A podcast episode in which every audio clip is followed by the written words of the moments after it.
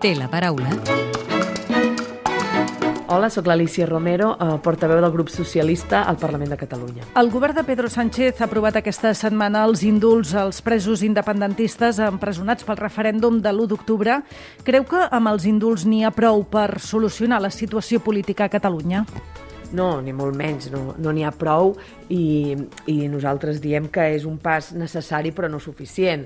És a dir, és un instrument legal que té el govern, eh, el farà servir o l'ha fet servir però evidentment això no resoldrà tot, tant de bo, no? Però no, això és l'inici d'un camí que ens agradaria que fos del retrobament o per la concòrdia i, i amb el diàleg, a través del diàleg, intentar que això, doncs això, iniciï un camí de resolució d'un conflicte que és polític i per tant, doncs bé, tot allò que ajudi a iniciar aquest camí, doncs benvingut. L'independentisme considera que els indults no ofereixen una solució global al conflicte polític i reclamen l'amnistia i un referèndum d'autodeterminació. I està d'acord? No, no estem d'acord perquè l'amnistia no, no pertoca, no? Eh, ningú, aquí ningú se'l persegueix per la seva, les seves idees, hi ha molts independentistes doncs, que són, estan fent una vida normal i ningú està empresonat per això. A més a més, em sembla injust pensant en aquells que han estat processats i sentenciats i que són a la presó i s'han passat molts anys a la presó, no? Tothom, tots els que han estat eh, inculpats eh, pels delictes eh, arran dels fets del 2017 haurien de poder passar per la justícia i assumir les seves responsabilitats. Ho han fet les nou persones a qui afavoreixen a, a aquests indults i creiem que els que són fora, els que es van fugar de la justícia, haurien també de sotmetre's a, a la justícia espanyola. Potser ara, amb una modificació del Codi Penal i del delicte de sedició, això els afavoreixi, però em sembla que, igual que hi ha nous que ja es van sotmetre i per tant han assumit les seves responsabilitats, creiem que la resta també hauria de fer. El seu partit doncs, rebutja aquesta amnistia, rebutja també l'autodeterminació i, en canvi, per l'independentisme aquestes dues demandes són irrenunciables. Eh, com es pot solucionar el conflicte si les dues parts tenen aquestes posicions enfrontades? És important que quan un comença a negociar sàpiga on està el límit de l'altre, no? I per tant aquí em sembla que l'independentisme està bé que defensi les seves posicions o aquests eh, dos aspectes, però també ha de saber que l'altra part no les acceptarà mai. Per tant aquí hem de ser tots prou intel·ligents, tenir intel·ligència eh, necessària i suficient per intentar que allò que puguem posar sobre la taula ens acosti eh, i aquests dos temes no ho són. I a més tampoc estan legitimats per eh, per, no, no, no per l'opinió pública catalana, que hi ha una part que sí que ho voldria, sinó també per les lleis, eh, ni espanyoles ni europees. Per tant, nosaltres el que diem és hem de seure en una taula, hem de poder parlar de tot, però hem de saber i ser conscients, i no, en aquest sentit, no ser ingenus, en què l'altre hi ha coses que segur que no acceptarà. No? I, per tant, aquí també doncs, el govern d'Espanya eh, sapiguem què és el que l'altre, eh, i per al govern de Catalunya, pot no acceptar. El Consell d'Europa ha demanat eh, aquesta setmana que, a banda dels indults, es retirin també les euroordres. Eh, entenc, pel que ens ha dit abans i pel que eh, va dir Pedro Sánchez a la conferència de dilluns a Barcelona, que, que no estan d'acord en que es retirin les euroordres i que reclamen que també assumeixin les seves responsabilitats els dirigents independentistes que són a l'estranger. El Consell d'Europa pot donar la seva opinió eh, com un òrgan que és, però el Consell d'Europa ni és la Comissió Europea eh, i, i, per tant, ni és el, eh, un tribunal europeu. I en aquest sentit, doncs, la seva opinió, nosaltres la respectem. Eh, però nosaltres el que creiem és que, igual que els nous eh, eh, polítics que són a la presó van assumir les seves responsabilitats, també ho han de fer els altres. No entenem per què uns haurien de tenir més avantatge. No? El president del seu grup parlamentari, Salvador Illa, ha posat en marxa eh, un govern alternatiu per fer oposició crítica a l'executiu de Pere Aragonès. Dins d'aquest govern, podríem dir a l'ombra, vostè és consellera d'Economia. S'ha reunit ja o ha parlat amb el conseller d'Economia, Jaume Giró, per parlar dels pròxims pressupostos de la Generalitat? Ens hem reunit aquest dimecres, eh, ha sigut una primera trobada, una reunió eh, cordial, no hem entrat a fons de cap tema i per tant doncs, esperem si eh, hi ha properes trobades a la que ens expliquin en més detall algunes coses. És veritat que ell va anunciar que no hi hauria pressupost pel 2021, tot que nosaltres insistim que seria molt important.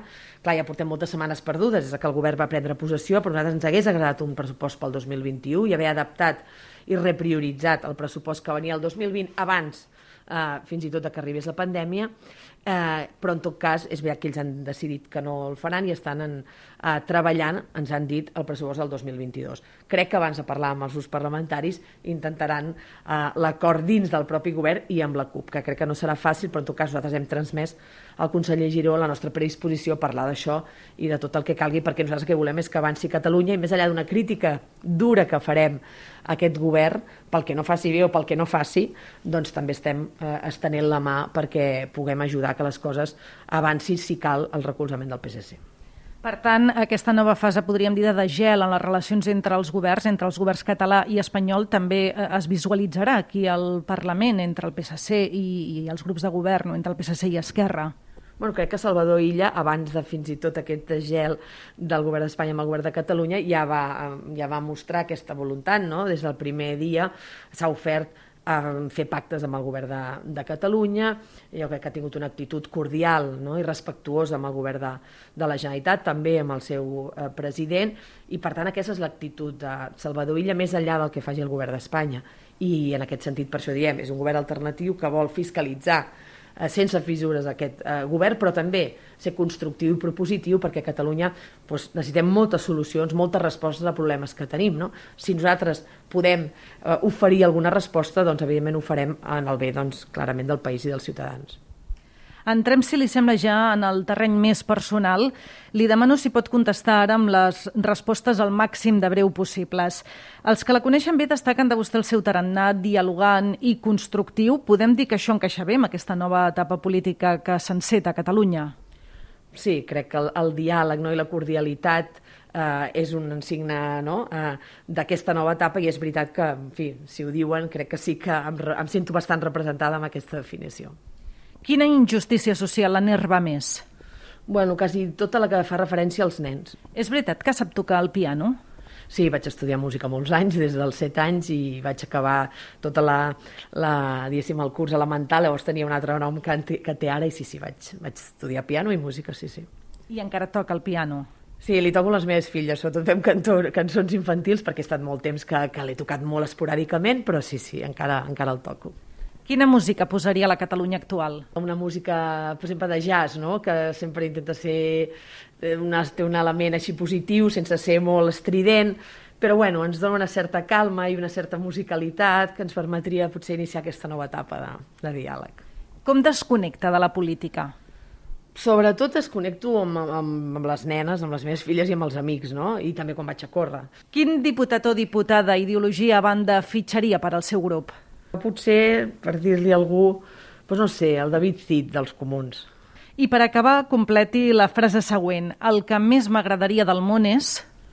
El que més m'agradaria del món és que no hi hagués patiment, no, no hi haguessin injustícies i, i tots visquéssim una mica més tranquil, amb menys, però més tranquil i amb una certa pau i felicitat. Alicia Romero, portaveu del grup parlamentari Socialistes i Units per Avançar, gràcies per atendre'ns a l'hemicicle de Catalunya Informació.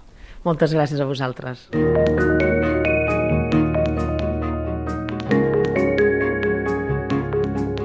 Podeu tornar a escoltar l'hemicicle al web catradio.cat barra hemicicle o al podcast del programa i seguir l'actualitat del Parlament al perfil de Twitter arroba L-hemicicle.